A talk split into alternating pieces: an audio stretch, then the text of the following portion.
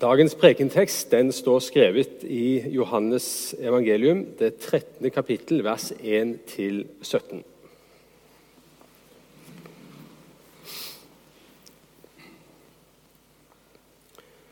Det var like før påskehøytiden, og Jesus visste at hans time var kommet, da han skulle gå bort fra denne verden og til sin far.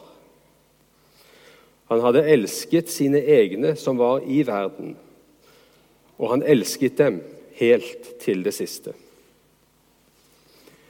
De holdt måltid. Djevelen hadde alt gitt Judas, sønn av Simon Iskariot, den tanken i hjertet at han skulle forråde ham. Jesus visste at far hadde gitt alt i hans hånd, og at han var utgått fra Gud og gikk til Gud. Da reiser han seg fra måltidet, legger av seg kappen, tar et linklede og binder det om seg. Så heller han vann i et fat og begynner å vaske disiplenes føtter og tørke dem med linkledet som han hadde rundt livet. Han kommer til Simon Peter. Peter sier, 'Herre, vasker du mine føtter?' Jesus svarte, 'Det jeg gjør, forstår du ikke nå, men du skal forstå det siden. Aldri i evighet skal du vaske føttene mine, sier Peter. Hvis jeg ikke vasker deg, har du ingen del i meg, svarte Jesus. Da sier Peter, Herre, ikke bare føttene, men hendene og hodet også. Jesus sier til ham, Den som er badet, er helt ren og trenger bare å vaske føttene. Dere er rene, men ikke alle. For han visste hvem som skulle forråde ham. Derfor sa han, 'Dere er ikke alle rene'. Da han hadde vasket føttene deres og tatt på seg kappen, tok han plass ved bordet igjen. Så sa han til dem, 'Forstår dere hva jeg har gjort for dere?' Dere kaller meg mester og herre, og dere gjør det med rette, for jeg er det. Når jeg som er Herren og Mesteren, har vasket deres føtter, da skylder også dere å vaske hverandres føtter. Jeg har gitt dere et forbilde. Slik jeg har gjort mot dere, skal også dere gjøre. Sannelig, sannelig, jeg sier dere, tjeneren er ikke større enn Herren sin, og utsendingen er ikke større enn Han som har sendt ham. Nå vet dere dette, og salige er dere så sant dere også gjør det. Gode Gud, himmelske Far. Takk for ditt ord. Kom med din Hellige Ånd og hjelp oss å forstå, hjelp oss til å høre og hjelp oss til å se. Veiled oss, Herre, i ditt ord, og la oss få hvile nå her sammen med deg. Og la de ord jeg skal legge fram, være dine ord, Herre.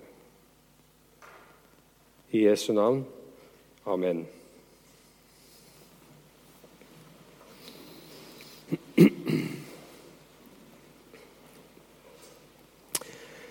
Vi leste at det er like før eh, påskehøytiden.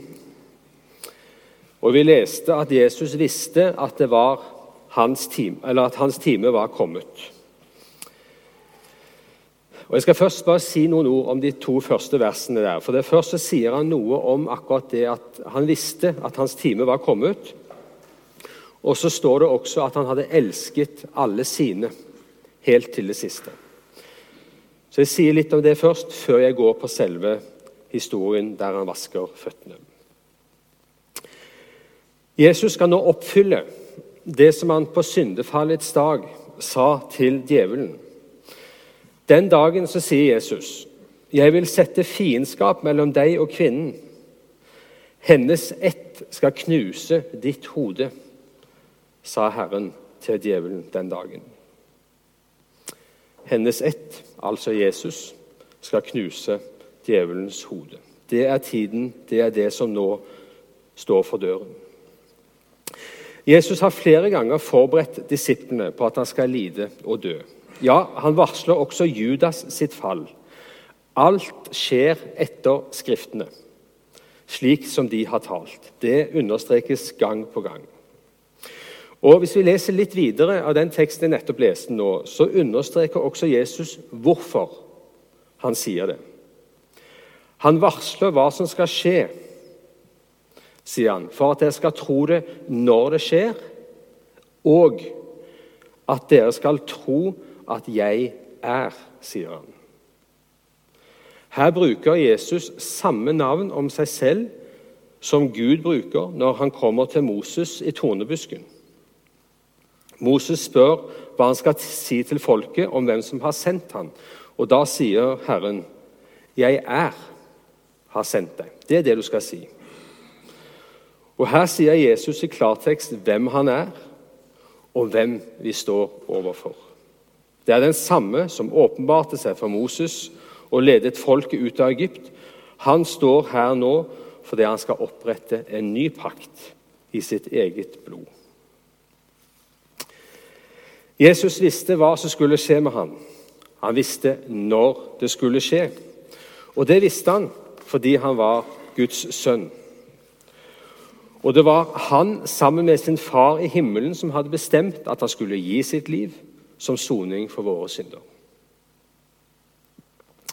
I Hebreabrevet, i det tiende kapittel, så kan vi lese at Salme 40 siteres. Og Der får vi et tilbakeblikk i Guds rike, inn i den himmelske helligdom. Der er gjengitt noe av den samtalen som var mellom Jesus og hans far. Og Vi kan lese at Jesus sier til sin far Du ville ikke ha brennoffer, slakteoffer eller andre offergaver. Det brydde du deg ikke om. Nei, sier Jesus. Du gjorde i stand en kropp til meg. Og jeg sa Jesus altså, 'Se, her kommer jeg for å gjøre din vilje'. Her hører vi altså om hvordan Faderen og Sønnen snakker om at Jesus skal bli menneske. Faderen gjør i stand en kropp til sin sønn for at han skal komme og gi sitt liv som sonoffer for verdens synd. Og Jesus er lydig og sier, 'Se, her kommer jeg for å gjøre din vilje'. Gud ville ikke ha brennoffer eller slakteoffer eller andre offergaver for oss. Han ville ha et fullkomment offer, sin egen sønn. Og Hele Gamle Testamentet vitner jo om dette fra begynnelsen til slutt. Og Peter han forteller at profetene de prøvde å finne ut når denne tiden var, og hvordan denne tiden skulle bli. De visste at Messias skulle lide. Det hadde Jesus latt dem forstå. Men de visste ikke når. Og det grunnet de på. De grunnet på hvordan blir denne tiden. Peter sier at profetene hadde Kristi ånd som vitne for dem. Det er Jesus som taler til dem og åpenbarer for dem om det som ligger foran. Han har vitnet for dem. Det er han som er Guds sønn, som sammen med sin far har bestemt tid og sted. Og Derfor leser vi også i dag han visste at nå var hans time her. Han har vært med å sette den med sin far. Og hvilket historisk øyeblikk dette er. Alle andre historiske begivenheter kommer til å forsvinne og bli glemt som ubetydelig. Men denne timen og det som nå skal skje, kommer aldri til å bli glemt. For i himmelen skal vi synge lovsanger for Jesus i all evighet. I åpenbaringen står det at vi bl.a. synger 'Verdige lammet som ble slaktet', verdig til å få all makt og rikdom, visdom og styrke, ære og pris og takk, står det. Kunne verden bare sett og skjønt hva Jesus gjør i denne stund. Så leste vi videre i teksten at han elsket sine egne som var i verden, helt til det siste. Og det gjorde han sannelig. Hans kjærlighet til folket den stoppet aldri. Han elsket dem til siste åndedag på korset. Han elsket sine egne, står det. Han kom til sine egne. det er israelerne, eller hebreerne, jødene. Men de tok ikke imot ham. Han ble avvist. De ville ikke høre på ham. Og hvor smertefullt dette var for Jesus, det hører vi flere steder. I Lukas 13 så kan vi lese om Jesus som sier, 'Jerusalem, Jerusalem, hvor ofte ville ikke jeg samle dine barn' 'som en høne samler kyllingene under sine vinger'. Men de ville ikke. Han kommer til sitt eget folk, sin øyensten, sine barn. Men de avviser han. De vil ikke høre. Når han red inn i Jerusalem, så gråter han over byen.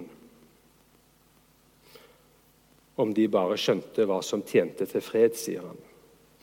Han elsket dem til det siste.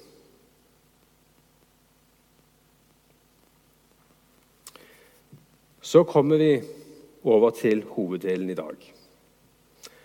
Det er noen sånne ting som kommer før, som setter ting litt i perspektiv. Og Nå kommer vi til selve hoveddelen, der Jesus reiser seg. Han legger fra seg kappen. Han binder et linklede om livet for å gå, vaske, for å gå rundt og vaske føttene til disiplene. Og Disiplene må jo ha undra seg. Hva er det Jesus gjør nå? Og Hvordan dette ble oppfattet av disiplene, det ser vi vel egentlig av Peters reaksjon, som nok kanskje sier det alle tenkte. Deres egen mester vasker føttene deres. Hva slags ideal er dette? Er det slik en mester og herre skal oppføre seg? Naturlig for oss er at en sjef skal fremstå med litt mer autoritet og myndighet. Hold litt avstand, ikke vis svakhet, ikke ydmyk deg for mye. For da kan man jo miste respekten. Det er et anstøt i det Jesus her gjør. Og Derfor reagerer også Peter. Han sier, 'Aldri skal du vaske mine føtter'. Vi tenker kanskje at det er en rørende historie som viser Jesu omsorg og kjærlighet, og det er det. Men hvordan dette opplevdes av disiplene der og da, det tror jeg ikke vi helt kan forestille oss. For hvem av oss er det naturlig å være så ydmyk og underdanig mot vår neste? Det sinnelag som Jesus her lærer oss at vi skal ha, den tålsomheten, den ydmykheten, det tjener sin, det strider fullstendig mot vår syndige natur. Det ligger ikke naturlig for oss i det hele tatt. Og Jeg tror også at det er nærliggende for oss å tenke at en slik måte å være på ikke gir respekt. For grekerne så ble det sett på som svakhet å være tilgivende og ydmyk. Vi kan lese om at dette er et problem for Paulus i menigheten i Korint. I 2. Korinterbrev 10 og 11 så forteller Paulus om hvordan han blir behandlet av enkelte i menighetene. Og han oppleves som svak når han er blant dem, fordi han er så vennlig og mild. Han sier han ydmyker seg for å opphøye dem, men de vet ikke å sette pris på det. Tvert imot så ironiserer nesten Paulus litt, og han sier at de tåler veldig godt at heller at noen skryter eller hersker og utnytter dem, sier han. Men de tåler liksom ikke hans ydmykhet. Paulus hadde en større myndighet og autoritet enn noen annen som apostel. Men han misbrukte ikke den. Han ville ikke bruke sin autoritet som apostel til å vinne mennesker. Men det er med evangeliet og Kristi sinnelag han vil vinne mennesker. Derfor møter vi et tjenersinn hos Paulus som er sterkt preget av Jesus. Vi tenker jo gjerne at det å fremstå med litt pondus, styrke, selvsikkerhet, taleførhet er det som er viktig for at vi skal nå frem med evangeliet. Og Sånn er det kanskje i næringslivet. Sånn er det kanskje for en statsleder. Men Jesus lærer noe annet. Paulus lærer oss noe annet. Paulus sier at når han kom til menigheten i Korint, så sier han at han var svak, skjelven og redd da han forkynte evangeliet.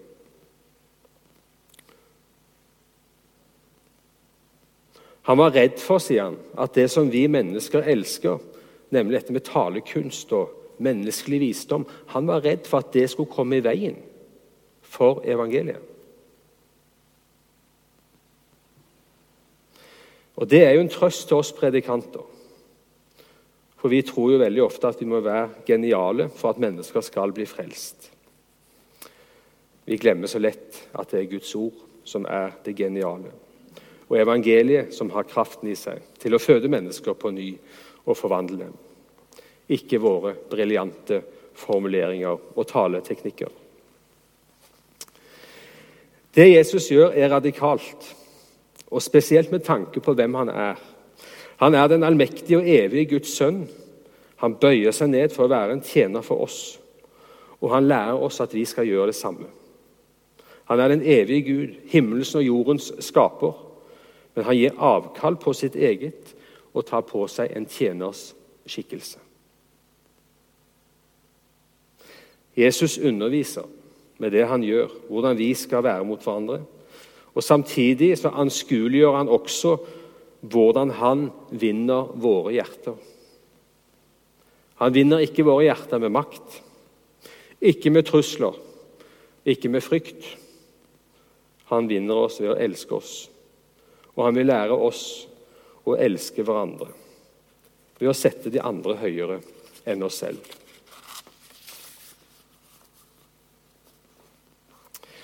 Så leste vi om Peters reaksjon. Aldri i livet om Jesus skal gjøre dette. Det er nesten som Peter får aversjon mot hele handlingen. Dette er feil. Skal han som jeg beundrer mest av alt på denne jord, som jeg er villig til å gå i døden med, vaske føttene mine? Mesteren min skal ikke gjøre det. Det burde være motsatt. Jeg burde vaske hans føtter. Jeg burde vise min ydmykhet mot han, slik Maria salvet føttene hans noen dager i forveien. Det er jo vi som skal gjøre noe for Gud. Vi skal jo tjene ham. Jesus svarer Peter, 'Det jeg gjør, forstår du ikke nå, men du skal forstå det siden.' Det sier Jesus også i Johannes 16. Der sier han til disiplene at han fortsatt har mye å si til sine disipler, men de kan ikke bære det ennå. Men når talsmannen kommer, Den hellige ånd, så skal han veilede dem til den fulle sannhet. De var ennå ikke i stand til å bære det, sier Jesus. Akkurat som de er ikke i stand til å se og forstå evangeliet fullt ut ennå. Og Det å forstå evangeliet er jo på den ene siden så enkelt. Det er en gave Gud gir oss. For det handler jo kun om å ta imot. Og Samtidig så er det så vanskelig. Det er den smale vei. For vår naturlige reaksjon mot evangeliet det er anstøt. Ordet om korset er et anstøt for oss mennesker, for det etterlater ingen ære hos oss, kun til Jesus. Han skal ha all ære. Det er han som må frelse oss uten vår medvirkning. Peter har gått sammen med Jesus i tre år, og ennå har han ikke forstått det helt grunnleggende. Vår loviske natur vil være deltakende, ha en del av æren. Men vi har ikke noe å bidra med, vi har ikke noe å skryte av. Det hviler ikke på gjerninger for at ingen skal skryte av seg selv, sier Paulus. Og Her skiller jo vår kristne tro seg radikalt fra alle andre religioner, der det handler om én ting å tjene og gjøre seg fortjent til frelse. Så må Jesus bli alvorlig med Peter, så han skal skjønne hva som står på spill. Hvis ikke Peter lar Jesus vaske føttene hans, så har han ikke del i ham lenger, sier Jesus. Vil si, han mister fellesskapet med Jesus. Ja, han faller ut av hans nåde. Og Da kommer panikken over Peter. Vask ikke bare føttene, men hele meg, sier han. Så avgjørende er dette at vi lar Jesus fortjene oss. At det er snakk om et være eller ikke være. Det er snakk om fellesskap med han, eller at alt fellesskap opphører med ham. Intet kompromiss. Når Jesus vasker føttene, så er det et bilde på at vi daglig går på føttene, og de blir skitne. Og Slik er det også med oss. Vi synder hver dag, og vi trenger å komme til Jesus hver dag. Daglig trenger han å tilgi oss og rense oss for all urett. Samtidig sier Jesus, dere er alt rene og trenger bare å vaske føttene. Som kristne så går vi ikke ut og inn av nåden når vi faller. Vi er barn, og vi tilhører ham hele tiden. Og det opphører ikke fordi om vi faller i synd. Men vi trenger å komme til ham daglig. Det er det også Jesus lærer med sin, sin handling i dag når han vasker føttene. Vi er barn. Vi er allerede rene, sa Jesus. Det er en renhet som vi ikke ser enda. Vi forholder oss til det Jesus har sagt, og hans ord. Men når Jesus kommer igjen, da skal det åpenbares hva vi er, det som vi ikke ser.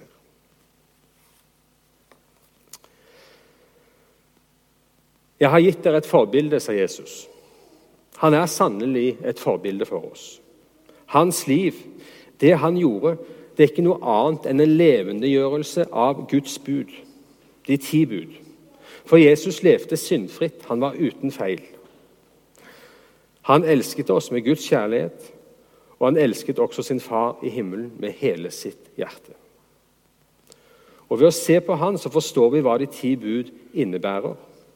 Ved å se på han så lærer vi hvordan vi skal være mot hverandre, men ikke minst mot Gud. Jesus var lydig sin far i himmelen. Og det skal vi lære av ham. Men det er viktig at Jesus ikke bare blir et forbilde. For Hvis han kun er et forbilde, så er han ikke noe annet enn loven for oss. For Jesus er den levendegjorte lov. Like viktig og avgjørende som at Jesus er et forbilde for oss, er det at han også er vår stedfortreder. Hvis Jesus bare er et forbilde for oss, så vil ikke en av oss bli frelst. Hans fullkomne liv var et stedfortredende liv. Jeg er ikke kommet for å oppheve, men for å oppfylle loven, sier Jesus. Og fordi han var ren, fordi han var fullkommen, fordi han var uten synd, kunne han også ta på seg våre synder og bære dem opp på korset. For et offer for synd må være rent og fullkomment og uten feil. Og alle våre synder tok han med seg i graven, slik at vi har dødd bort fra våre synder og ikke lenger tilregnes dem. Ved troen på Hans er vi tilgitt og er blitt renset for all vår synd.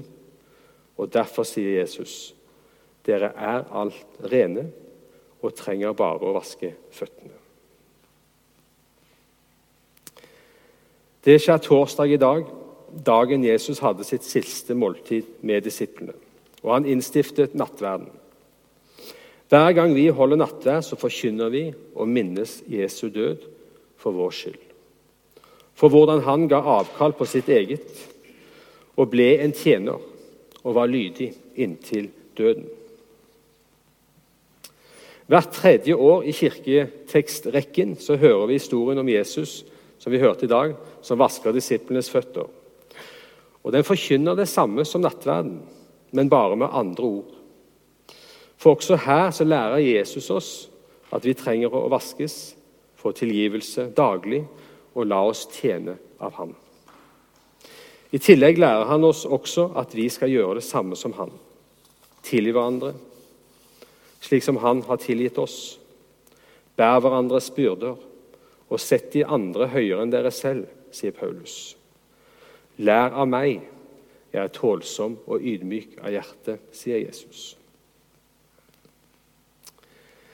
Jesus avslutter med å si, salig er dere så sant dere også gjør det'. Det er ikke tomme ord fra Jesus. Han vil virkelig at vi skal strekke oss etter hans forbilde.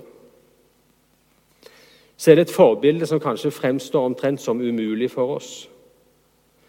Men Jesus har vist oss forutsetningen for at vi kan vokse i dette. Og forutsetningen er at vi daglig kommer til Han og vasker føttene våre.